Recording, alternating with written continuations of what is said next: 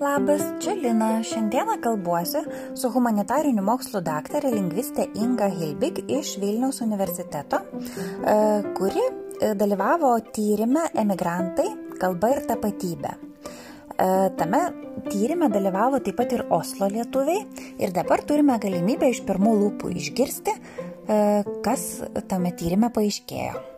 Kviečiu klausyti.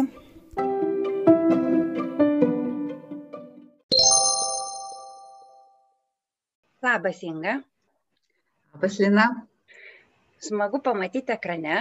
Gal taip ir nebūtume pasimatę, kas čia žino, o dabar va yra kaip tik proga pasikalbėti. Taip, tikrai smagu. Mhm. Ir paskutinį kartą, kai mes matėmės, tai jūs su Egle buvot Osle, kaip jūs vadinat savo knygoje ekspedicijoje pas Oslo. Rimtai. Ir e, mes tuomet kažkiek lietuvių čia Osle davėm interviu, o dabar jau yra išleista knyga, visa monografija apie lietuvių kalbos išlaikymą diasporoje. Tai papasakok, kas tai buvo per darbas, kodėl jūs jo ėmėtės ir kaip jis buvo suorganizuotas. Mhm. Šita knyga yra produktas porą, trejetą, man atrodo, metų trukusio projekto migrantų kalbos tyrimo. Ir tai buvo iš tikrųjų antras projektas, prieš tai buvo dar pirmas projektas. Mhm. E, tai šitame antrame projekte mes susiplanavom surinkusios duomenys iš keturių skirtingų pasaulio vietų, kur yra gausiau gyvenama lietuvių, e, parengti tokius keturis, mes vadinam knygos netgi jau ir viršelėje, sociolingvistinius portretus miestų.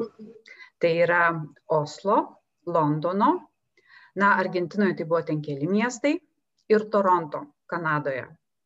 Mhm. Va, ir tiesiog aprašėm uh, lietuvius ten ir lietuvių kalbą ten, kaip, kaip jiems sekasi su ta lietuvių kalba, tiek, tiek šeimose, tiek na, kokios na tos institucijos yra, visokios akmeninės mokyklos, istorija, ten kokioje Argentinoje ar Kanadoje, taigi tokia ilga ta istorija lietuvybės ir tų tarpų karinių prieš karus dar atvykusių žmonių, ilga, ilga šimtmečio istorija. Mm. Na, Oslo ir Londono buvo trumpesnės, jau čia ta istorinė perspektyva buvo trumpesnė. Bet jūs aprašėte šiek tiek ir pačią šalies situaciją, šalies požiūrį į kalbas, į dialektus, politiką. Ir aš pradžioj užfiksavau tokį, tokį sakinį, kad, e, kad labai daug nulėmė šeimos kalbos politika. Mm, yra aš, sakoma, kad, aha, atsiprašau. Kad, kad tai yra toks uh, veiksnys, kuris labiausiai ir paveikia taip, kaip kalbės uh, diasporos uh, šeimų vaikai, ar ne? Taip, yra toks pasakymas, kad jeigu kalba neišlaikoma emigracijoje šeimoje, nu jinai nėra išlaikoma. Tai šeima yra pati pradžių pradžia, kertinis akmuo, ta aplinka, kur vaiko ten tos smegenys formuojasi ankstyvajam amžiuje, ar ne? Ir, na, mm. ar, ar yra ta lietuvių kalba namie, ar nėra, padaro lemiamą įtaką visam jo gyvenimui, biografijai. Tai taip, nu, viskas prasideda nuo šeimos. Mm. Dėl to mano skyrius buvo toje monografijoje apie šeimas ir, ir jų uh, situaciją mhm. Osle. Uh, taip, apie šeimas. Į tai. Ir tavo skyrius buvo apie dvikalbystę. Tu labai aktyviai domėjęs būtent tą dalim.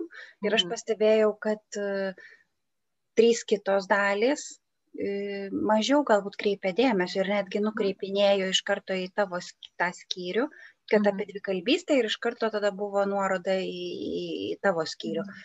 Tai suprantu, kad iš jūsų viso kolektyvo tyriejų, kuris dirbo su šito projektu, tu vienintelė domėjaisi dvikalbystę taip aktyviai, ar kiti tiesiog taip, nu, iš dalies?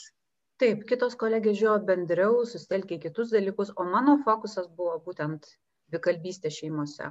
Dvikalbystė su lietuviu kaip mažumos, kaip namų kalba, kaip pavadinsi, taip nepagadinsi. Arba paveldėtoje kalba. Paveldėtoje. Yra truputėlį kas kita, ar ne? Paveldėtoje kalba, kalbininkai vadina tą kalbą, kuri yra ne mano paties gimtoji, bet tėvų gimtoji. Taip suprantu, tas mhm. skirtumas toks, ar ne? Būtent kultūrinio paveldo dalis. Aha. Na, aš tos skirties tiksliai nežinau, kiek jinai, turbūt čia diskutuojama dėl to, ar galima visiškai sinonimiškai vartoti va, tuos išvardytus visus terminus, bet mhm. paveldėtojai taip nurodo labiau į, nežinau, kokį žmogų, va, kaip pas mus atvažiuoja studijuoti mūsų katedroje studentai e, lietuvių kilmės iš Argentinos, trečios kartos, anūkai ir pronukiai, ir jie vat, nuo nulio pradeda galbūt tą kalbą mokytis ir, ir vat, jų tai yra paveldėtojai kalba, atsiveža tą paveldą atgaivina tada. Uh -huh. Aš irgi taip suprantu, kad tai yra ta, ką tu paveldėjai. Ne? Uh -huh iš tikrųjų aš irgi sutinku su tuo absoliučiai kad šeimoj be abejo susiformuoja pagrindas ir tai yra natūralu kaip tu kalbi šeimoj tai taip tu ir kalbiesi paskui savo gyvenime bet šalies politika ir šalies požiūris į kalbas į mažumų kalbas į dialektus ar jisai turi reikšmės nes norvegijos e, politika akivaizdu kad yra palanki pavyzdžiui dialektam ir stimuliuoja ir, ir skatina žmonės kalbėti savo dialektų. Visai nėra to tokio noro visus subendrinti. Mhm. O kaip dėl imigrantų kalbų? Ar ta politika irgi yra palanki? Dėl tų kitų atsivežtinių kalbų, kurios nėra švedų, nėra na, kitos skandinavų, nėra anglų, nėra ispanų, bet. Žinai, e, geras klausimas, sunku pasakyti, nes e, šaliai vis tiek yra svarbu, kad e, pats svarbiausias dalykas, kai tu turi, kai šalyje yra imigrantų, juos imigruoti ir kad jie pritaptų prie tos, žodžiu, daugumos, o dauguma vis tiek yra norvegų kalba. Tai aš sakyčiau, kad daugiausiai pastangų yra sutelkta į tai, kad išmoktų norvegų kalbą ir galėtų joje mhm. lais, laisviau jaustis. Kita vertus, tai čia yra irgi politinis klausimas, pavyzdžiui, kiek yra išnaudojama dvikalbystę darželyje arba mokykloje, kiek yra tam vaikui leidžiama atsiskleisti arba bent jau parodoma, kad jis turi tą resursą ir tas resursas yra gerbiamas. Tai aš manau, čia yra, taip sakant, dar ką nuveikti tikrai, e, bet bent jau apie tai yra daug kalbama, kad ir darželį, ir ypatingai darželį, tai manau, kad visai yra toks požiūris, kad tą, tą vaiką leisti jam atsiskleisti jo kalbą, jeigu yra galimybė uh, panaudoti tą jo kalbą mhm. ir norvegų kalbos ir apskritai jo, jo visam socialiniui augimui. Tai sakyčiau, gal nėra neigiamo požiūrio, bet tam, kad tai būtų tikrai aktyvus, tai tos kalbos naudojimas, tai galbūt reiktų padaryti ir dar daugiau negu yra dabar. Mhm. Kiek aš o Lietuvoje kaip? Aha gal vat lietuvoj čia būtų ir kita kalba iš tikrųjų irgi bet e, reaguodama į tai ką tu papasakojai apie apie savo tą kontekstą tai aš irgi galiu pasakyt kad kiek man teko girdėti na skandinavai kaip ir daugybėje kitų sričių yra tikrai labai pažengę ir šitoje. E, bet apskritai juk visoje Europoje ta politika to aukščiausių lygių ne, yra tokia nuteigiama, čiagi nu, nuostabu, čia įtraukiama, išnaudojama, e, tai yra turtas, tos kitos kalbos atsivežtos tų imigrantų, ekonominių ar, ar, ar pabėgėlių. E, bet kaip ten po to praktiškai, kai šiek tiek yra nusileidžiama tie, į asmeninį lygį, kaip ten tos pedagogės, darželių auklėtojos, mhm. logopedės reaguoja, čia jau kitas kitas klausimas, kiek jos yra apsišvietusios. Ir pavyzdžiui, Europos Sąjungoje taip, iš tikrųjų, juk yra visos kalbos yra lygiavertės, visi dokumentai svarbiausia yra verčiami į visas kalbas Sąjungos šalių, bet ar nedominuoja, tarkim, anglų kalba ir ar nedominuoja, nu, na gerai, sakykime, anglų ir prancūzų, bet anglų dominuoja. Ir e, man atrodo, kad jau jaunimui yra pasakyta, kad tu be anglų kalbos nepadarysi nei žingsnio šitam gyvenime, tai jau jie mokosi nuo pat pat pradžių, ar ne?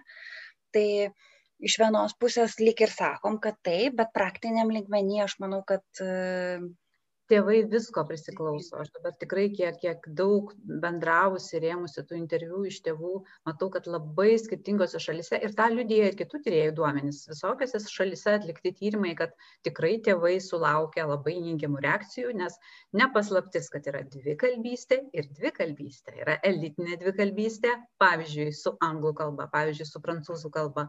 Koks nors vokietukas vaikas Londone žodžiu, mokosi ir anglų, moka vokiečių, dar prancūzų mokykloje, tai visi ploja, kad tu tem čiagi nuostabu. Ir didelės kalbos, ir, ir šiaip pat, tiesiog vaikas iš pas, tokios na, aukštesnio vis tiek socialinio sluoksnio, galbūt vidurinio ir aukštesnio šeimos, mokosi ir visi džiaugiasi, tai yra visai kitaip negu lietuvis emigruoja į Londoną e, su šeima ir, ir veda vaiką į mokyklą ir, kaip ten su ta lietuvių kalba elgiamas ir kaip reaguojama, na, ne visada gerai.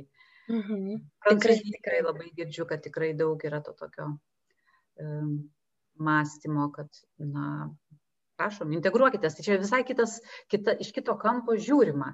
Šalis, kurios priima, aišku, kad joms rūpi integracija, kad sklandu būtų. Ir ne iš blogos valios ten tėvam kartais ima ir patarė, nukonsultuoja, jūs susitelkite į šalies kalbą, nu ką ten palaukit su savo, pavyzdžiui, lietuviu.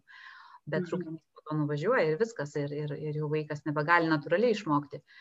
Va, tai jie tikrai turi geriausių intencijų, nu, o mes iš savo pusės žiūrim ir kaip čia tą lietuvį išlaikius atseit jau tą daugumos, tai tarsi daroma prielaida, kad savaime vaikas išmoks. Bet kaip čia tą lietuvį išlaikus, mums tai rūpi, tai, tai skauda. Ir iš tikrųjų tas išlaikymas irgi nėra toks paprastas, taip kaip ir e, tas savaime natūraliai be pastangų išmokti. Tai yra, taip atrodo, kad visiškai jokių pastangų niekam nereikia įdėti. Ir aš manau, čia yra toks truputėlį signalas, kuris gal yra jisai teisingas, bet jis trupučiuką klaidinantis vis tiek. Nes tėvams.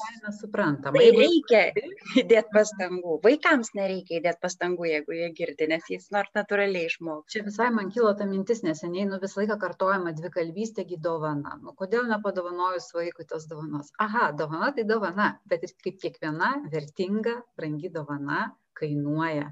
Kainuoja mhm. tėvų laiką, kainuoja mamų karjeras, jeigu jos nori atidėti savo profesines ambicijas ir kuo ilgiau būti su vaiku namie, neleisti į norvegišką darželį, neleisti į anglišką darželį.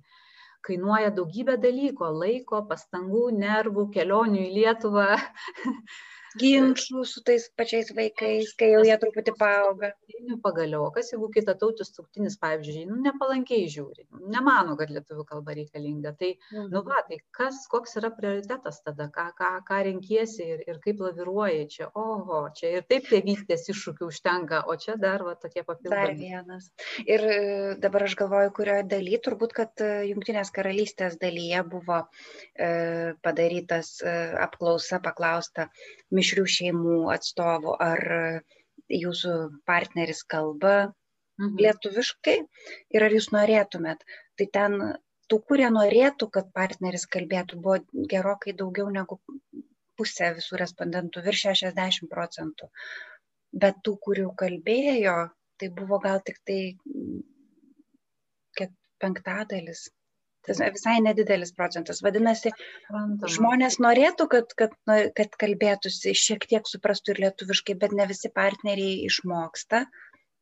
Ir galbūt irgi svetur, jeigu Lietuvoje gyventų, būtų kita kalba. Būtų kita kalba, bet kadangi, vat, kaip tu ir minėjai, anglų kalba, ten būtų kokia prancūzų, galbūt būtų daugiau tokio visuomeninio pa, mhm. palaikymo motivacijos, o čia, nu, kam reikalinga tokia maža nišinė kalba ir atrodo, ne, nėra tos motivacijos pakankamai, kad išmoktų. Nu, dar prisideda tas e, lietuvių kalbos mitas, arba ne mitas, nežinau, kad tai yra labai sunki kalba ir kad tu nusilauši liežuvį ir išprotėsi, kol tu išmoksi. Labai mėgstam tai pasakoti seniečiams, kad sena, žodžiu, visokia ten graži ir taip toliau, bet kad, kad labai sunki taip tai būtų labai labai palanku vaikų dvikalbystė jeigu tie tėčiai mamos kitataučiai jeigu jie irgi bent kiek mokėtų nes tai irgi siunčiamas vaikui signalas kalba yra vertinga.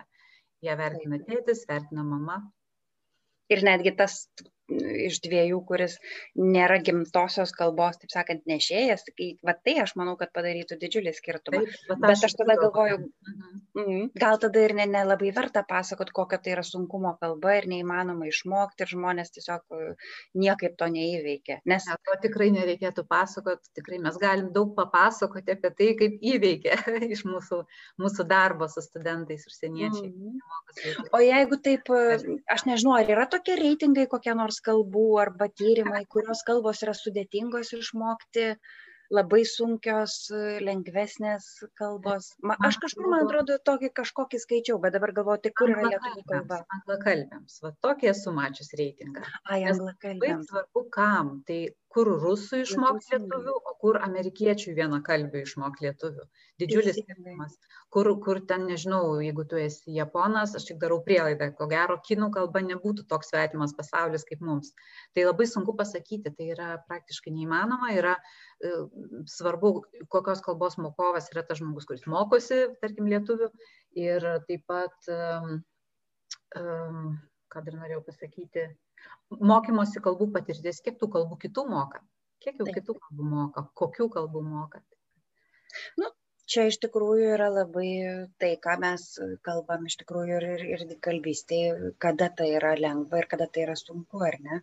Kad jeigu tu moki dar daugiau kalbų, tai tada tai tau bus lengviau. Ir dvikalbystė duoda galimybę lengviau išmokti užsienio kalbų. Tai čia aišku tas pats.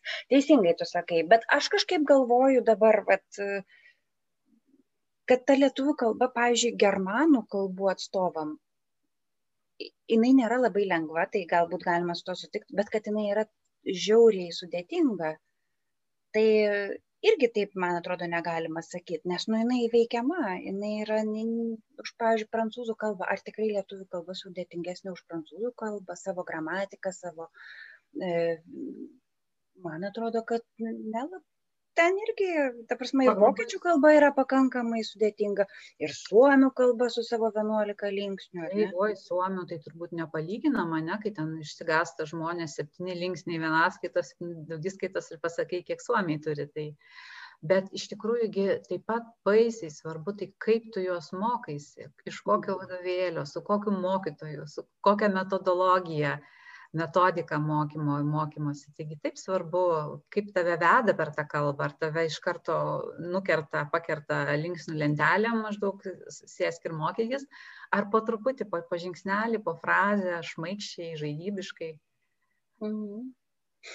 Čia jau, aišku, netyrimo klausimas, ne apie tyrimą, bet man vis tiek įdomu, kai, kai mokosi užsieniečiai arba tie atvažiavę lietuviai kelintos kartos kokios yra metodikos lietuvių kalbos. Aš, pavyzdžiui, galiu palyginti šiek tiek e, su estų, kaip jie moko savo kalbos, pasijėmę iš universiteto metodiką ir moko čia Osle norinčius. Ir aš galvoju, kad suaugusiems, pavyzdžiui, mes Osle neturim nieko. Bet Vilniaus universitetas tai tikrai turi tą metodiką ir, ne, ir moko užsieniečius. Tai kaip jiems sekasi? Jie greitai kasasi į priekį, kai jau jie gyvena Lietuvoje, kalba aplinkui, girdi lietuvių kalbą Vilniuje, ar ne? Kaip, kaip jiems sekasi, po kiek laiko jie maždaug jau sugeba palaikyti pokalbį? Čia vėl sunku apibendrinti, nes tai vienas mokosi, o kitas nelabai. Pavyzdžiui, -huh. tai daro namų darbus, kitas. Bet tie, kurie mokosi. Tie, kurie mokosi. Na kaip, tam mūsų skirtingos trukmės ir skirtingo intensyvumo tie kursai yra Vilniaus universiteto lituanistinių studijų katedroje mūsų. Tai jeigu žmogus kaip čia dabar pasakius. Tai va, tokie patys intensyviausi kursai, tai yra po 2-3 paskaitas per dieną, e, vieną semestrą ir dar galima tęsti kitą semestrą. Tai tikrai galima teikti, kad pakliuvę į tų dviejų mano kolegių, kurie va dirba su tosom grupėm tokiam rankas, žmonės po pusės e, metų, po to semestro, jie jau gali susišnekėti tokiuose kasdieniškiausiuose, įprasčiausiuose kasdienio gyvenimo situacijose. Mhm. Pasakyti, mhm suprasti, e, maždaug šį bei tą jau nusiveikti su ta lietuvių kalba. Jau jie nėra visiškai žali ir, ir, ir, ir geba. Nes puikus vadovėlis yra ne dienos be lietuvių kalbos parengtas, vat, tos Virginijos Stumbrienės, mano kolegės ir Aurelijos Kaškelevičinės, jinai Helsinkije dėsto lietuvių kalbą universitete. Mm.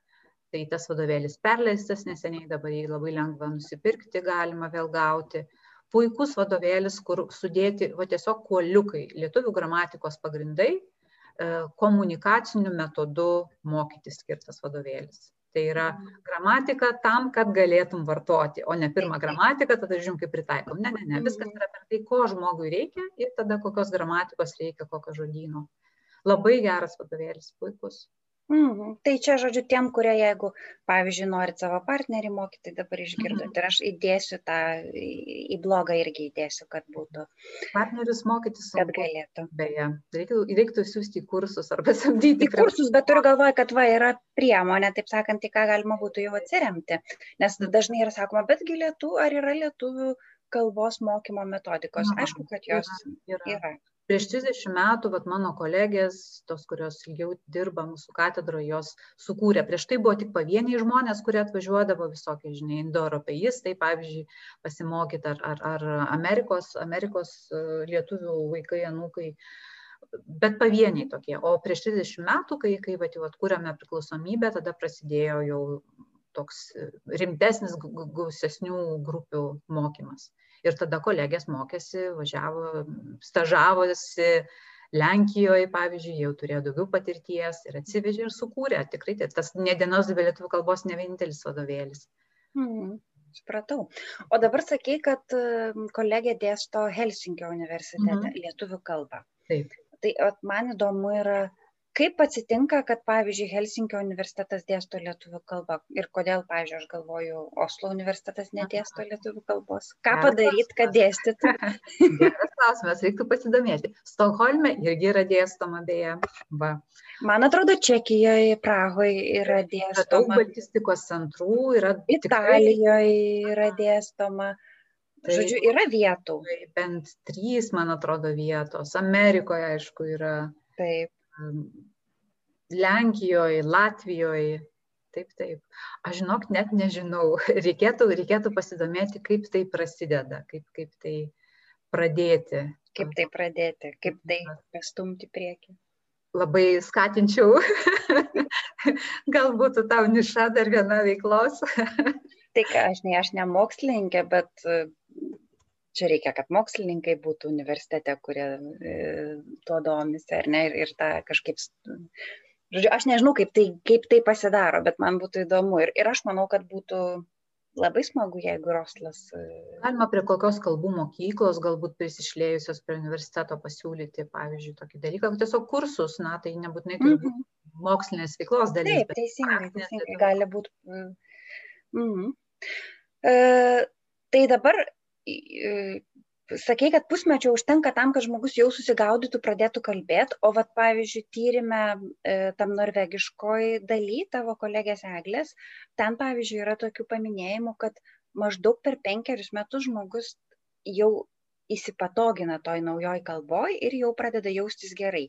Ir netgi minėjo, kad buvo respondentai, kurie sakė, ir aštuonių netgi metų prireikė, kai jau vis pasijutau visai gerai toj kalboj. Vadinasi, nuo, užima tiek daug vis dėlto metų išmokti tą naują kalbą ir perprasti. Čia turbūt kalba yra apie norvegų, taip? Ir kiek taip. žmonės išmoksta norvegų? Oi. Kuri yra nesunki kalba. Kuri yra nesunki kalba lietuviams, taip. Aha. E, matai, e, iš tų interviu buvo akivaizdu, kad e, vieni žmonės neria ir labai aktyviai studijuoja, vartoja, žiūri televiziją, skaito, ieško progų vartoti, vartoti, vartoti, kad, kad gerai mokėtų galų gale, taip. taip. O yra žmonių, kurie dirba paprastą fizinį darbą, pavyzdžiui, tos mhm. kalbos norvegų reikia netiek jau daug. Jeigu mhm. tavo dauguma ten bičiulių yra, tarkim, tie patys lietuviai, ir, ir per daug neišeinama į, į Norvegijos tą, tą visuomenę. Na ir aišku, kad tai užtrunka tada. Tai taip labai paprastai susikomunikuoti, tai žmonės geba, taip, bet, mm. žinai, dar mes šitą kalbėjimą savogi labai kukliai vertinam lietuviai e, kur amerikiečiai paklausti, ar moki, sakytų, o moku, nors tik tai moka gal lietuviškai pasakyti ačiū viso gero o lietuviai dažnai kuklinasi, nes mes įsivaizduojam beje, kad dvikalbystė tai čia jau tobulas dviejų ar daugiau kalbų mokėjimas vienodų lygių. Mhm. Tas senas dar toks įsitikinimas yra. Taip. Tai tik tai va, tas gali save vadinti dvikalbiu. Pavyzdžiui, gimęs dvikalbiai šeimoje ir, ir nuo mažumės girdintis ir jau atseit labai gerai mokantis abi. Bet tai yra netiesa, tai yra tas kažkoks idealas, kurio, kurį, kurį pasiekia reti žmonės, kad jau taip visiškai mhm. būtum toks subalansuotas dvikalbis. Tikrai. Tai praktiškai yra sudėtinga netgi tam, kuris auga pakankamai dvikalbėje aplinkoje, aš manau. Nes natūraliai mes turim arenų, me, kuriuose mes, pavyzdžiui, vieną kalbą daugiau naudojam. Net jeigu. O čia Norvegijoje, pavyzdžiui, tai apskritai yra taip, kad, tarkim, mokykloje yra tik norvegų kalba, o galbūt namuose yra lietuvių. Tai vadinasi jau dvi visiškai skirtingos arenos. Ir, pavyzdžiui, ten kokios nors statusis kampas, uh, ir įžambinę mes išgirsim tik tai tą kalbą, kurią mes einam į mokyklą ne, ir, ir nežinom, kaip vadinasi kita kalba. Tai o ta lietuvių kalba šiuo atveju gali likti tokia vat, būtinė virtuvinė, kaip yra pavadinta gražiai tokia, ar nori pieno, ar, ar padarai pamokas maždaug ir, ir tiek. Tai taip skirtingai, skirtingai išplėtotos ir, ir aišku, kad ta daugumos kalba jinai klesti, jinai vartojama tikrai visose gyvenimo sritise, nu, nebent va su tėvais apie pieną ar namų darbus kalbant, bet, bet, bet o, o va ta mažumos kalba nu, tokia ribota, jinai tokia uždaryta namų aplinkoje ir tada tos tėvų pastangos svarbu, kaip tą kalbą, na, kaip labiau ją puoselėti. Kaip... Išplėsti ją, iš, Plėsti, iš virtuvės tai, į svetainę nuvesti. Tai, iš svetainės į verandą, į balkoną. Daryti terasą ir, ir, ir kad, kad jinai irgi būtų su sparnais ta kalba, o ne tik tai va, tokia va, pelenė virtuviai. Mhm. Mhm. Tai kad galėtų ir apie klimato kaitą pakalbėti, ir apie koronaviruso epidemijos e, socialinius padarinius, nežinau. Bet apie tai reikia, jeigu kalbėti iš tėvų perspektyvos, tai tiesiog kalbėkit su tais vaikais, jeigu kalbate lietuviškai namie, tai ir pakalbėkite ir apie visus dalykus, kurie vyksta ir apie politinius, ir apie socialinius, ir tai, kas vyksta aplink. Jeigu aptarinėsi tai lietuviškai, tai jie natūraliai ir išmoks. Mhm. Tik tai, aišku, tam reikia kažkokio gal samoningumo. Gal tai, va, tai galbūt nėra taip sudėtinga, kai jau tie vaikai jau kalba lietuviškai mhm. padaryti. Mhm.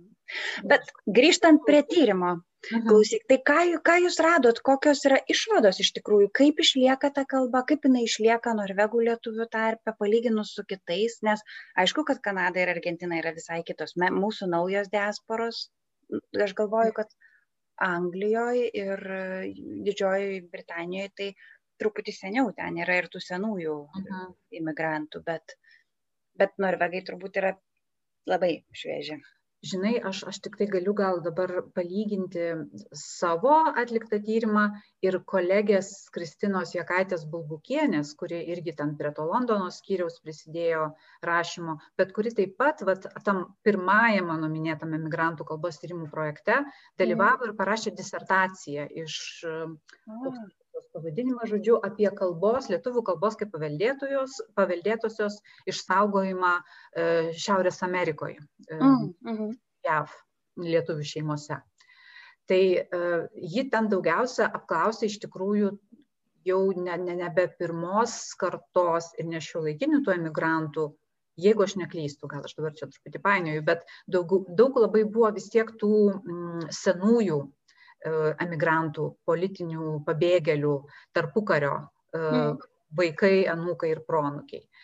Ir, ir ką? Ir ką norėjau pasakyti, kad tikrai akivaizdu, kai mes lyginam su mūsų dabartiniais emigrantais, ekonominiais dažnai, nu, meilės emigrantais, taip, bet savo norų išvykusiais, daugiau ar mažiau savo norų iš Lietuvos, tai akivaizdu, kad ta uh, banga pokarinė, karinė, pokarinė banga į, į, į Ameriką, į Amerikas ir tai ji buvo labai ypatingų žmonių banga.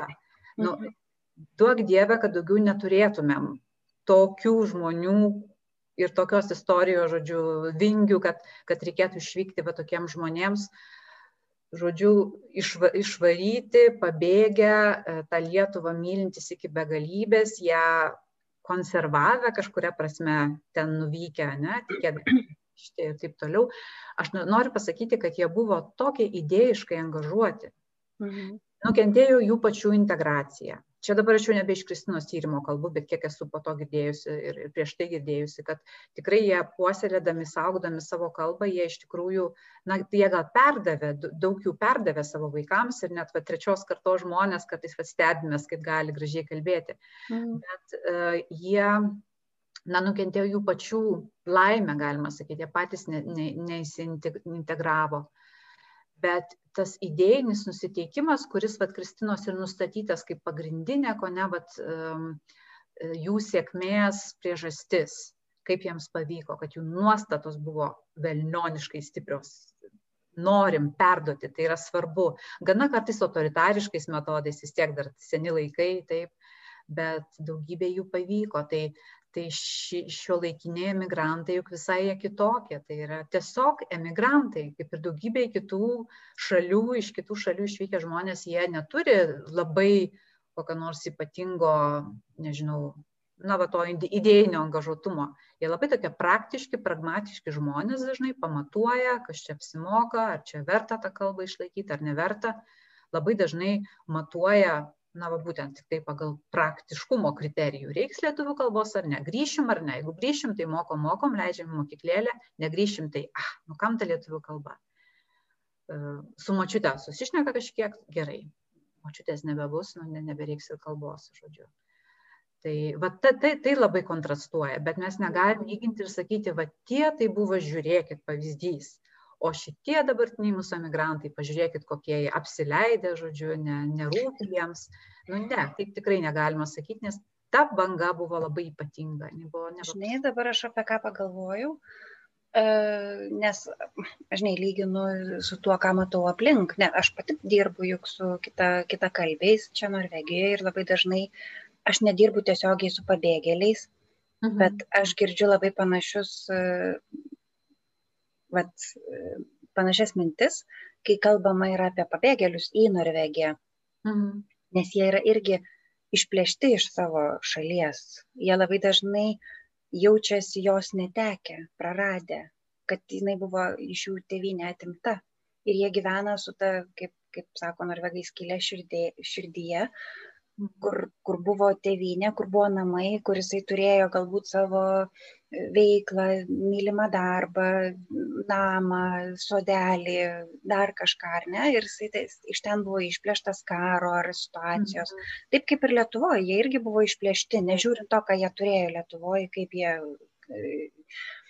kaip jiems sekėsi Lietuvoje prieš tai ar ne? Ir ir dėl to pavyzdžiui daug yra pabėgėlių kurie įsikirtę laikosi savo tos kultūros ir kalbos ir jie nori vaikus išmokyti ir jie e, netgi nelabai nori integruotis. Ir dėl to yra kartais ir išgirstama tokių neigiamų, kad, nu, jūs turit integruotis, jūs turit stengtis, o jie matyt jų yra kitas visai yra viltis grįžti turbūt. Galbūt visų pirma taip, yra viltis grįžti, bet to jie nori, kad jų vaikai mokėtų kalbą, kad jie galėtų grįžti. Ir aš pačia, žinai, pirmą kartą aš pagalvojau, tai yra labai sąskambis su tuo, ką aš girdžiu iš, pavyzdžiui, Amerikos lietuvių. Nes aš girdėjau per bendruomenę lietuvių, e, iš tuo lietuvių, kurie yra jau trečios, pavyzdžiui, kartos, kad arba Kanados ypatingai, nes ten buvo tas stiprus naratyvas, kad mus tėvai mokė lietuviškai ir sakė, kai Lietuva taps laisva, jūs važiuosit atgal į Lietuvą, jūs važiuosit kurt Lietuvos, atkurt, padėt. Tai jie gyveno su ta tokia mintim, kad mes grįšim ir mes vėl kursim, kai tik tai bus galima. Ir aš galvoju, kad tie pabėgėliai čia Norvegijoje, jie galbūt irgi gyvena su ta pačia mintim. Ir jie nenori čia įleisti šaknų, nes jie saugo tą šaknis kaip tą augaliuką, kurį tu saugai tam, kad parvežti ir įsodinti savo žemę atgal. Dilema iš tikrųjų, nes nu, tai visai vat nesiniai skaičiau tokį, patinka man tokie tyrimai, nu tiesiog nuostabus, apibendrinamieji tokie tyrimai, kur keletas išanalizuota 20, atrodo, visokių tyrimų tą temą apie vaiko gerovę ir kaip tai siejasi su dvikalbystė vaiko. Tai labai aiškiai buvo mm, parodyta, kad vaiko dvikalbystė tikrai yra susijusi su jo socioemocinė gerovė, į kurią pusę tas priežastinis ryšys nėra aiškus. Skirtingai rodoma, žodžiu, kad koreliacija yra, bet kas ką veikia, ar dvikalbystė gera, tokia subalansuota pakankamai, vaikas gerai jaučiasi ir yra sveikas ir, ir e, raida jo, jo gera, ar, ar atvirkščiai, kad jeigu vaikas žodžiu, e, turi, pavyzdžiui, gerą klimatą šeimoje, savo santykiai su tėvai puikus, tėvais puikus, tada tas vaikas noriau ir kalba tų tėvų kalba. Va, bet Natūralu, atrodo, ne? ryšys yra ir, ir dar kas pabrėžiama, kad būtent dvikalbystė, tai yra ne tik, kad vaikas pat tai moka lietuvių gerai, bet nu gal nelabai dar ta norvegų. Ne, tikrai turi būti abitos kalbos. Ir tėvai irgi turėtų būti dvikalbiai. Nes atrodo, bet irgi iš, iš, iš to mano tyrimo man pasimatė, kad lyg ir atrodo nieko ir lyg ir tom šeimom kurios vat pavyzdžiui tokios kur tėvai na nekalba gerai norvegiškai tai joms tarsi geriau išlaikyt tą lietuvių kalbą nes vaikai tada tarsi priversti kalbėti su tėvais e, lietuviškai nes nu, tėvai nesuprastų norvegiškai net ir apie tuos kampus visokius e, geometrijos, taip, jeigu reikėtų apie tai pasikalbėti. Bet kita vertus, taigi tie tėvai, kaip jie yra atitrūkę, kaip jie nei su namų darbais negali padėti, nei nueiti dalyvauti pokalbėje su mokyklos ten administracija ar mokytoja. E, jie tokie, na, nuo šaly ir, ir va, tai irgi kam yra negerai. Tai irgi, kaip, kaip rodo, va, tie daugybė tyrimų apžvelgiamų, Tai negerai, negerai yra ir tėvams, nes jie negali įsitraukti. Ir negerai yra vaikams, nes yra dar tas man aspektas, kad ateina svečiai namo, draugai pas vaikus. Kai jie mažesni, galbūt ateina tėvai pasimti tų vaikų. Mhm ir tėvai negali palaikyt normalių santykių normalaus ryšio. Pakviest pakalbėt pa mhm. prie arbatos puodelio paplepėt apsikeisti naujienom. O tos naujienos mokyklinės juk irgi labai svarbi integracijos dalis. Kas vyksta mokykloj ko kas ateina kokia mokytoja bus kitais metais pavyzdžiui ar gera ar mes patenkinti tėvai. Tai va tai vyksta tokio plepėjimo nu, galim taip pasakyti, būdu, bet ar ne, tai taip kaip tėvai tarpusavį, va, prasilendami, kur nors ten susitinki pakeliu ir, ir va, tada paplepi, kur nors sėdėdamas autobuse pakeliu į darbą. Ir va, to neturi. Ir kas atsitinka, čia jau irgi ne, iš jūsų, aišku, tyrimo, bet iš e, Norvegijos e, imigrantų vaikų ir pabėgėlių vaikų, kurie, pavyzdžiui, dabar yra tokia viena ir e, knyga parašyta apie tai, kad jie jie vaikai gėdinosi savo, pavyzdžiui, tėvų arba mamų, kurios mm. nekalbėjo į mokyklą, nenori, kad į mokyklą ateitų pasimti, pavyzdžiui. Čia gal dar truputį apie ankstesnius kalb... metus eina kalba. Tai čia įvyksta daug tų dalykų ir dinamikos šeimoje. Dėl tos gėdos, tai žinok, e, kad ir kaip ten būtų, vaikai, turbūt esi pastebėjusi ir matydama aplink, kas vyksta, labai tipiška, kad vaikai gėdijasi, bet lietuviškai kalbančios mamos gėdijosi, nenoriu, kad ateitų pasiimti į mokyklą ir kalbėtų su manim lietuviškai. Tai labai tipiška. Daro visi vaikai vos ne, na ne visi, bet noriu pasakyti visokių kalbų vaikai. Ta prasme, kad mhm. vaikas nori pritapti prie tos daugumos, o čia dabar jo tėtis ir mama su ta kažkokia keista kalba, kur visi staiga suklūsta, kokia čia per kalba, gal čia lenkų, gal čia ką. Ir vaikui yra negera būti taip išskirtam. Tai, bet tai, dėl to tai tėvai neturėtų susirūpinti ar baisiai čia išgyventi, nes tai yra labai normalu, nu tai praeina po to, kaip manoma. Mhm. Tikrai praeina, galiu ir aš patvirtinti. ir netgi kai tu kalbi, norvegų, norvegiškai ir gali susišnekėti, tu vis tiek su vaiku savo kalbi lietuviškai ir jie vis tiek išgirsta tą keistą kalbą. Tai čia yra tas momentas.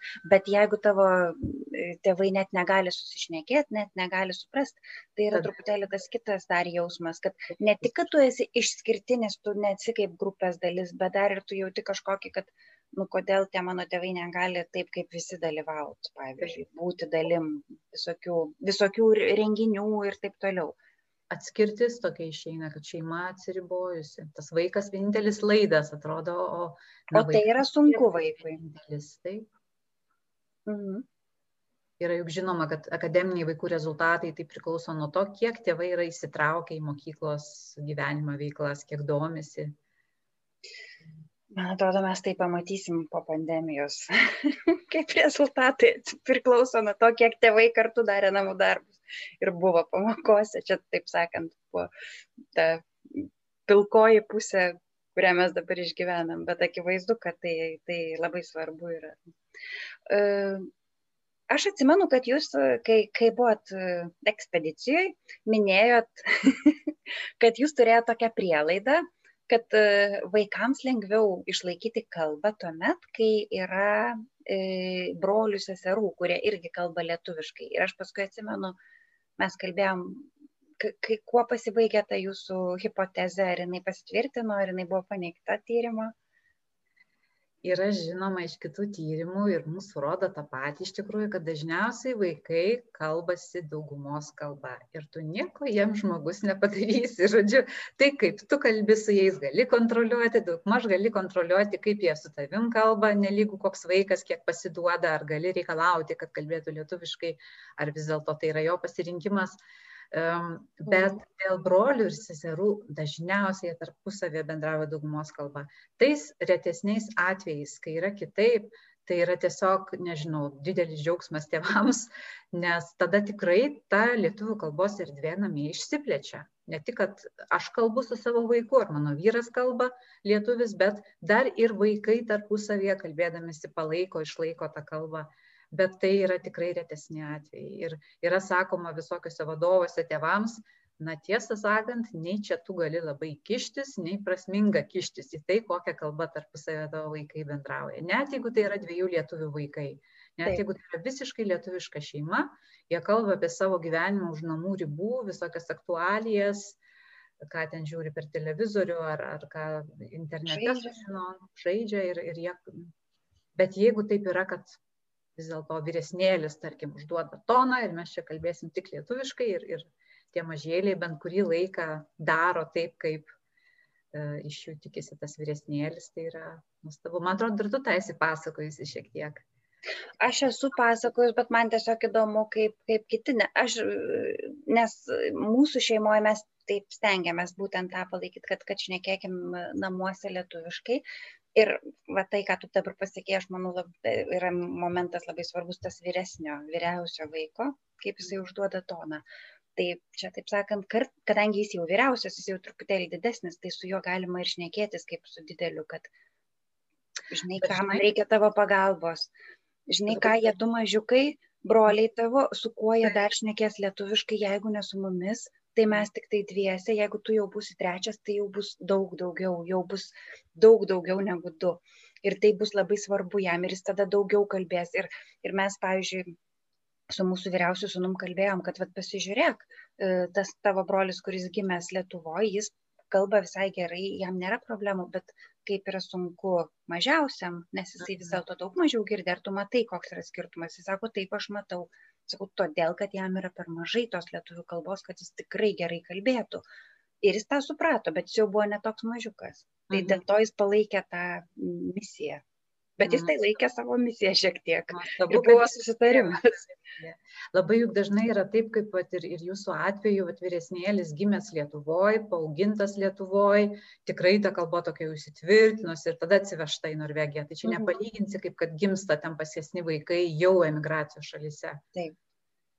Ir jau iš karto girdi tas dvi kalbas ir, ir mažiau tenka to tėvų tiesioginio galbūt dėmesio kontakto lietuvių kalba, vis tiek tėvai ir pavargę būna, ir išsikvėpę, ir, ir visko ten būna.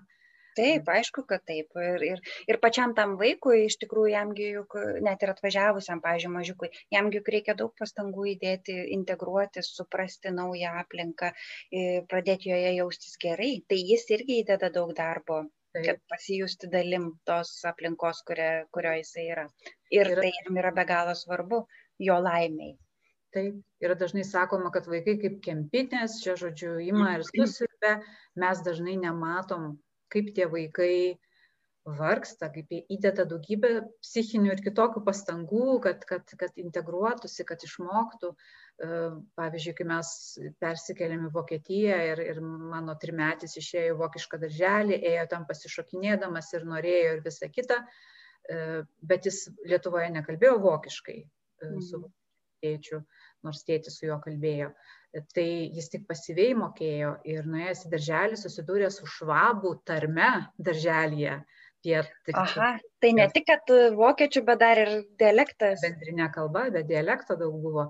Bet jis norėjo, jis ėjo, jis tikrai džiaugėsi tuo darželiu, tačiau ką mes matėm, staiga tokios prasidėjo elgesio problemos namie vaikui buvo sunku, jam buvo sunku, tai buvo didelis darbas, kurį jis dirbo ir dažnai mes to nematom. Ir dabar tikrai yra žinoma retrospektyviai, bet, bet suaugę imigrantai Europoje pasakoja apie savo patirtį švietimo įstaigose, nu baisu, tikrai atsimena tai kaip tokią vos netrauminę patirtį kartais. Kaip jie pateko, kaip jie nemokėjo, kaip jie galbūt buvo nuvertinti su savo tuo paveldu kultūriniu ir kalbiniu. Tai tiesiog, na va, vaikai tikrai triūsia ir dirba ir jiems irgi nebūna lengva. Ir jie nuvargsta stipriai. Nuvargsta. Nėra taip, kad įmeti vaiką, nu ir plaukia maždaug. Tikrai plaukia, nu išplaukia taip. Bet... Žinai, aš atsimenu netgi, kai kai mano pradėjo vidurinėlis eiti į darželį, mes atvažiavom, šiek tiek turėjom luktelt, kol gavom vietą ir jis pradėjo eiti į darželį nuo, nuo, nuo sausio mėnesio. Ir aš atsimenu, kad aš jį parsi, aišku, buvo dar kita priežastis, bet aš atsimenu, kad aš jį parsivesdavau namo ir kol jau šiltą maistą, kol aš spėdavau atnešti ir jam paduoti valgyti, jis jau užmėgdavo ant sofos. Man žinok, irgi taip pat yra buvęs, manau. Kiek jam reiškia yra vis dėlto nuovargio tą dieną atlaikyti ir joje, taip sakant, būt ta kita kalba, kai tu nelabai susišneki, tai jisai būdavo vaikas išvargęs ir aš visada sakiau, taip yra todėl, kad jie ne, nu, nustojo mėgoti dienos e, miegą. Nes Norvegijoje nuo trijų metų toj vyresniai grupėje jau nebemiega miego dienos. Ir aš galvojau, kad priežastis yra tik tai ta, bet aš dabar galvoju, tai dar ir dėl to, kad jis labai daug įdėdavo, taip kaip ir mums, pažiūrėjau, užsienio kalba kalbant, juk mes daug labiau pavargstam. Tai ir jisai mhm. daug labiau pavargdavo. Taip, nors vaikai tarsi yra labiau atsipalaidavę, jie neturi tų tokių socialinių, tokių baimių, kaip mes suaugę, kurie bijom išsižiot, bijom dėl akcento, vaikai dažnai, na, nepaiso. Nebijo, bet jie įsitempia, kad suprast, ką man sako. Jis ir bando iš savęs ištraukti, kaip. Tai mhm. daug tu daugiau panaudoja energijos tam, kad komunikuot. Mhm. Na matai. Tai vadinasi jie pavargsta. Tai jeigu atvažiuoji su nedideliu vaiku kokiu trijų keturių metukų kuris pradeda eiti darželį tai galima jį būtų pasaugot truputėlį gal trumpesnes dienas ne? Jis tada nuvargtų šiek tiek mhm. mažiau žvelgti tiesiog stebėti kaip vaikas reaguoja. Gal jis tada grįž pamiegos pavyzdžiui ir jam truputėlį daugiau lengviau bus taip sakant tą periodą pirmą praeit mhm. Ką dar radote tam tyrimė, kas, kas tau pačiai pasirodė keista, kad tikrai nesitikėjai, pavyzdžiui? Gal šitam tyrimė pirmą kartą susidūriau ir susivokiau su tokiu dalyku, kad, na, pamačiau, kaip tėvams gali būti sunku iš tikrųjų kalbėti savo tą pirmąją gimtają kalbą su vaikais. Ir tai lėmė, kad aš toliau tęsiu e, tą kryptim ir ypač mane šiuo metu dabar domina mamos iš mišių šeimų, kurios nekalba su savo vaikais lietuviškai. Arba beveik nekalba, arba nebekalba, kalbėjo gal kūdikystėje, po to persirito viskas į daugumos kalbos pusę. E, arba kur vaikai nekalba, kur vaikai labai silpnai kalba. Žodžiu, bet įdomiausia, kad, na, mums Lietuvoje tai atrodo, nu kaip tu gali, tai yra tavo kalba, tu su ja užaugai, subrendai, išvažiavai, kaip tu gali dabar? Ir matai, kad gali žmonės iš tikrųjų pradėti jausti taip, kad ta kita kalbėti su vaikų kalba tampa net natūraliau negu lietuviškai. Jeigu gyveni mišrioje šeimoje su kitataučiu vyru, gyveni jau 20 metų emigracijoje, ten kokioje Airijoje, ir ką, ir ta kalba jau tavo yra emocijų kalba, jau ne tik atminčių, bet emocijų, tai yra tavo šeimos, tai yra jausmų kalba jau ir jinai ir į širdį, žodžiu, įeina. Kaip mes sakom, vis tiek širdies kalba liks lietuvių, bet žiūrėk, to iširdį atsiranda vietos ir kitai kalbai. Būtent, kad tada jau tikrai tampa žmogus pats toks visiškai subalansuotas dvikalbis ir, ir va, ir tada jau yra tikrai, tiesą sakant, labai sąmoningo pasirinkimo dalykas. Aš vis tiek kalbu lietuviškai su savo vaiku. Nors man sunku, nors man jau liežuvis gal nebeapsiverčia, vaikas man ten kalba norvegiškai, E, ir man reikia labai daug, daug, daug pastangų. Tai pat pirmą kartą iš vienos informantės tą išgirdau tada pas jūs viešėdama ir po to matau, kad tai yra tikrai daug dažniau negu mums atrodo kad tėvams ilgai gyvenantiems kitur jau darosi ne iš kokio mandrumo ar, ar nutautėjimo, kad čia dabar jau man neberūpi Lietuva ir niekas, bet tiesiog, va, kad keičiasi, įvyksta toks pokytis. Man atrodo šitas yra labai svarbus dalykas žinai nes mes labai dažnai tą stigmą tokią uždedam kad ai tai tu jau nutautėjai tai tau jau neberūpi lietuva tai tu jau nebemyli lietuvos.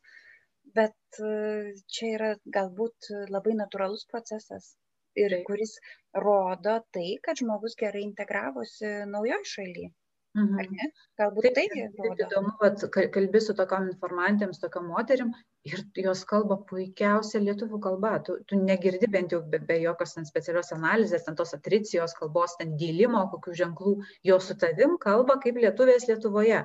Taip. Na, bet šeimoje yra kitaip, toje aplinkoje, kurioje jis gyvena, jau joms yra kitaip, jau ta uh, bendravimo su vaikais kalba gali jau tapusi būti daugumos joms pačioms va, tiesiog net to nejaučiant ilgainiui, ilgainiui tai vyksta.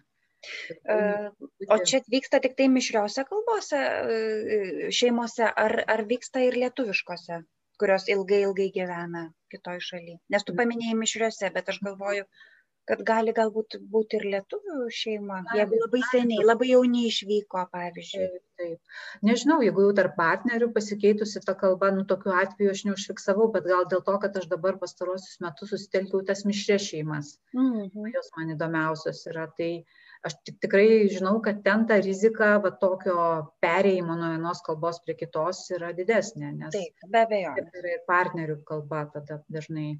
Um, Be abejo, be abejo. Kai pradėtų kalbėti ir nuolat kalbėtų tą daugumos kalbą, nežinau, net mešiu tokios galimybės, bet turbūt rečiau yra. Mhm. Tai tu dabar jau turbūt, kai sakai, kad dove domina mišrios šeimos, tai tu turbūt kalbėjai apie jūsų tą naują projektą, kuriame dalyvauja ir Vilniaus universitetas, ar ne? Mhm. Taip, yra toks Papasakok, nes tas labai įdomus man irgi projektas pasirodė. Madanet, toks europinis twinning programos um, projektas, kuriame dalyvauja trys universitetai, tai yra Vilniaus, Upsalos ir Meinuto, Airijoje. E, ir ten tas projektas sieja uh, daugybę skirtingų sričių mokslininkių, motinystės projektas, visas, visas moteris esam, ten virš 50 dalyvių, man atrodo. Tik tai Na, moteris? Taip, taip jau atsitiko, reikėjo Europos komisijai, kuri finansuoja šitą projektą, kiek žinau, vadovėms reikėjo pagrysti, kodėl čia taip yra dabar, kad vien moteris. Kodėl tai... diskriminavot vyrus? Na va, aš nežinau, kaip ten susiklostė, kad, neprisijungia visiškai vyrų tyriejų, bet, žodžiu, tos, tos tyriejos yra labai skirtingų sičių. Tai yra vat, nuo lingviščių, kaip mes ten kelios, iki e, gydytojų. Ir visokiais rakursais, visokiais kampais tyrinėjama uh, motinystė Europoje.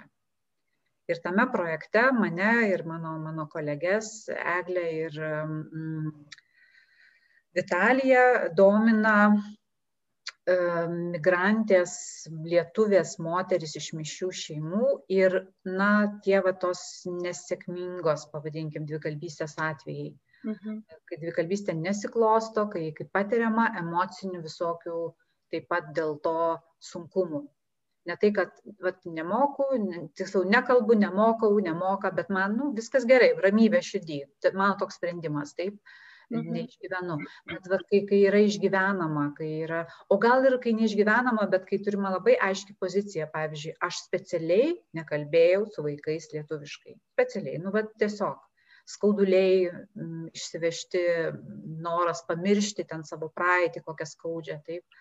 Tai va, tai va, labai labai rūpi parodyti tų moterų atskleisti balsus, nes ką mes girdim, tai vis girdim, kaip čia viskas puiku, kaip čia vaikai kalba, o vat žmonės kurie kitaip elgesi arba jiems kitaip susiklosto, jie tarsi kažkur pasislėpia, nei ten jie bendruomenių gyvenimuose dalyvauja lietuvių, pasislėpia, kažkur yra ir, ir atitolę, atitrūkę, o taip rūpėtų sužinoti, bet kodėl, kodėl atskleisti, kodėl. Tai nežinau, čia gal galiu pasinaudoti eteriu ir paprašyti kreiptis į mane, jeigu būtų norinčių moterų iš mišių šeimų emigrančių, pasidalinti savo, savo istoriją ir, ir tas tai savo emociniais išgyvenimais, kaip, kaip jos jaučiasi, kaip jam, joms dėl to, ar jos randa ramybę, ar, ar neranda ir, ir kokius sunkumų kyla.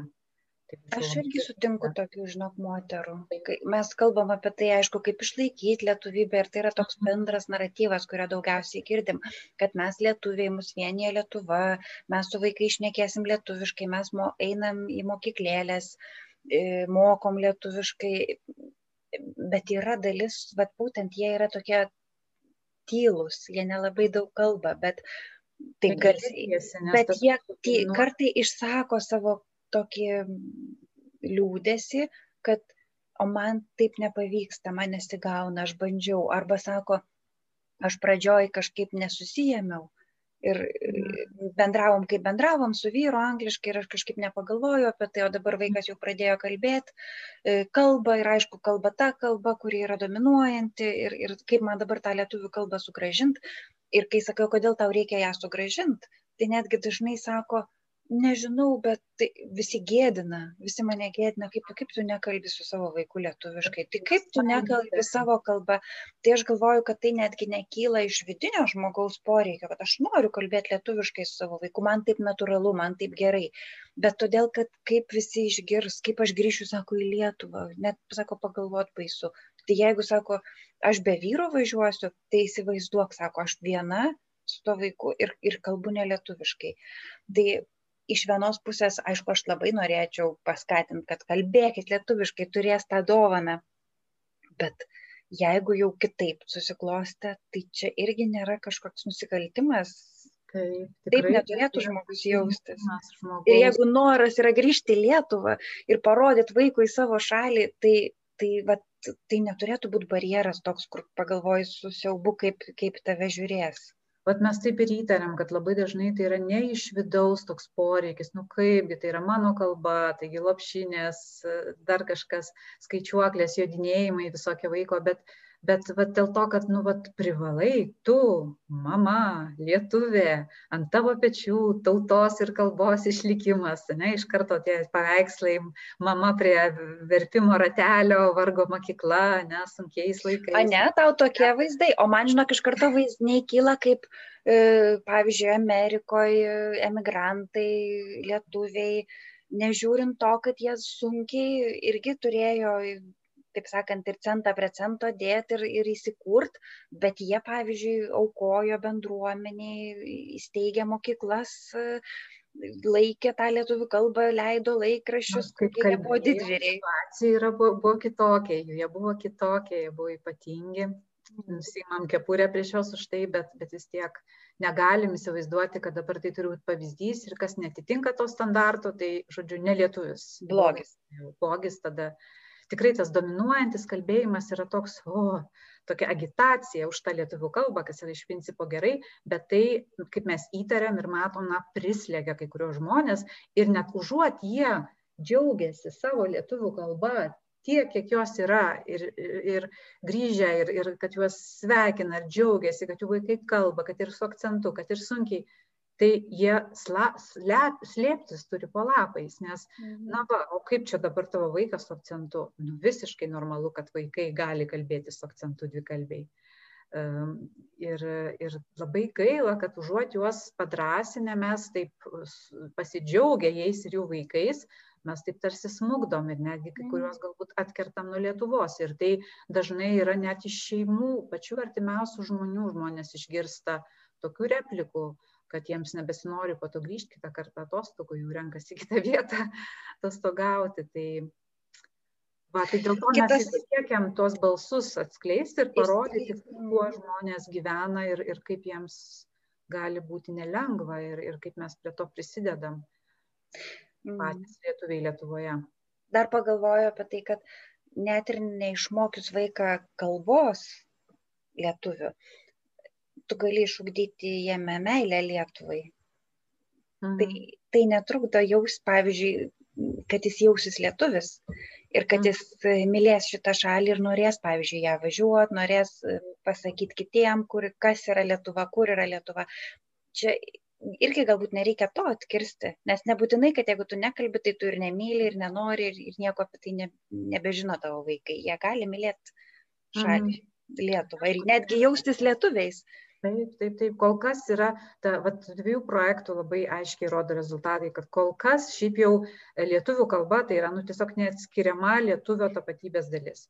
Taip jau, jau kitaip Argentinoje kokioje arba, arba Amerikoje, Šiaurės JAV, bet tai, manau, kinta.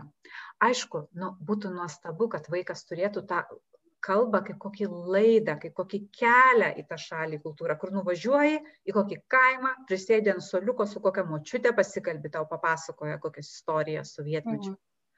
Taigi būtų taip nuostabu. Bet jeigu žmogus išlaiko tą uh, prieraišumą šaliai, tai jisai gali atvažiuoti ir išmokti po to kaip svetimosios, kaip antrosios kalbos, tos paveldėtosios kalbos. Taip. Tai, tai labai. Ir kad svarbu. niekada nevėlu.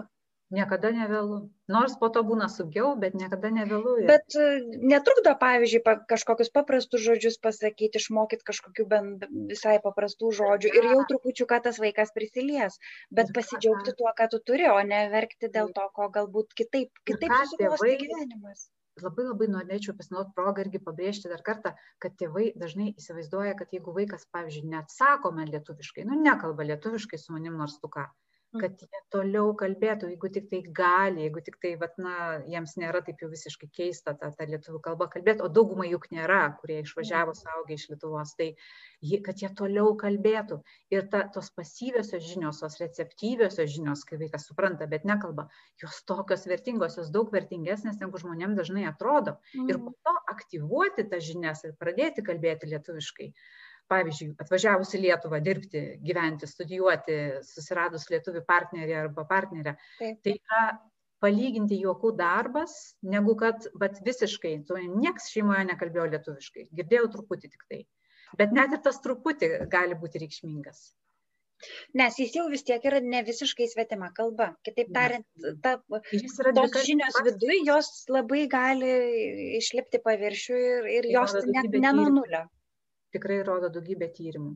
Mm. Kad varykit žmonės, toliau kalbėkit, jeigu tik galit, nesvarbu, kad tas vaikas, nesvarbu, kad reikalauja pastangų, taip dažnai patogiau atsakyti tada irgi norisi tos pačios kalbos tame pačiame pokalbyje. Tai irgi, man atrodo, emociniai dalykai. Ne tik, kad jau kažkaip keista ir, ir norisi pereiti, nes vaikas kalba ir man lengviau irgi darosi, bet ir emocinis toks dalykas. Bet, nu, būtų labai gerai, būtų labai gerai toliau tęsti tą liniją kalbėjimo, nes tą mes galim sukontroliuoti. Kaip ten vaikai po to pasirenka galų gale ir, ir kiek ten vartoja, nevartoja, išlaiko, neišlaiko, tai čia jau nebe mūsų valdžioji. Mm, nebe mūsų valiai, teisingai. E, žodžiu, tiek, kiek turite, tuo džiaukitės, ką turite, o kas, ką, ką galit padaryti, tai tiesiog kalbėti arba įterpti bent keli žodžius ir, ir tą liniją, bent jau mažą, mažą liniją išlaikyti tos lietuvių kalbos. Tai, žodžiu, visiems, aš manau, kad daug kas girdo iš to, ką papasakai, bet aš į savo blogą, ten, kur įdedu ir savo intro apie podkasto epizodus aš įdėsiu ir nuorodą į jūsų tą knygą, kurią galima rasti ir internete. Ir aš tikrai labai rekomenduoju paskaityti, nes tai yra visiškai žavingai ir labai labai smagu skaityti, nes ten yra, jinai nėra kaip tokia mokslinė sausa knyga, jinai vis dėlto yra labai gyva ir ten yra daug autentiškos medžiagos, citatų ir pokalbių ir iš to tu tiesiog pajauti, kaip kaip tie žmonės kalba, ką jie jaučia. Tai aš tikrai tikrai siūlau paskaityti, bent jau perverst, atsiverst, pavyzdžiui, tiem, kurie gyvena Argentinoje, Kanadoje, UK arba Norvegijoje, nes ten yra didelė dalis ir Norvegijos, ir vienintelė dalis apie dvikalbystę, kuri yra parašyta tavo inga. Aš suprantu, kad gal taip dėl to yra, kad ir tu pati esi mišrioj šeimoje ir tavo vaikai dvikalbė, ar ne? Tai ta ir širdžiai. Mano mokslinis gimė iš labai vat, tiesiog realybės, kurioje, kurioje atsidūriau pati, sukūrusi šeimą mišrę ir ir taip ir staiga tie dvikalbiai vaikai nu ne dvikalbiai bet gimsta ir ką ką su jais daryti ir ir ir tikrai susidūrėm vat su tuo kad vaik vaikai lietuvoje nekalbėjo vokiškai vokietijoje nebekalbėjo lietuviškai mes išvažiavom per pusantro mėnesio persijungė į vokiečių kalbą. Taip suaktyvino vokiečių ir atstūmė, žodžiu, į šalį pasidėjo lietuvių. Iki kol mhm. mes vėl grįžom į Lietuvą. Tai aš irgi nu, išgyvenau ir, ir galvojau, ką mes darom ne taip, atrodė, kad viską darom taip.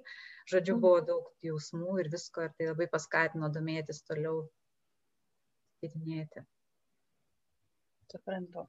O dabar tu esi Vilniui ar, ar Estijoje, nes tu jūs dar ir Estiją vienu metu išvažiavot gyventi, ar ne? Ne, ne, ne, ne. ne. ne? Vilniuje. Vilniuje. Vilniuje. Mhm. Vilnius mano dabar toks labai nepasiekiamas miestas jau virš metų, bet labai tikiuosi, kad ir vėl, taip sakant, susitiksim. Tai va. Taip, tai popierinę knygą gal bus galima ir padovanoti asmeniškai, jeigu ką, tai. Kai jau tik asmeniškai bus galima pasimatyti. Tai va. Tai ačiū tau, Inga, labai. Man nežmoniškai smagu šnekėtis ir su žmonėm iš Vilniaus, ir su žmonėm iš mano alma mater Vilniaus universiteto, tai aš tiesiog širdis mano džiaugiasi. Ir labai buvo smagu pamatyti tave po, po to karto, kai mes kalbėjomės, aš galvoju, ar tai buvo 16 ar 17. Man atrodo, kad 17. 17 ko gero metai. Mhm. Tai va, tai, tai buvo. Tai ačiū, kad pakvietėjai.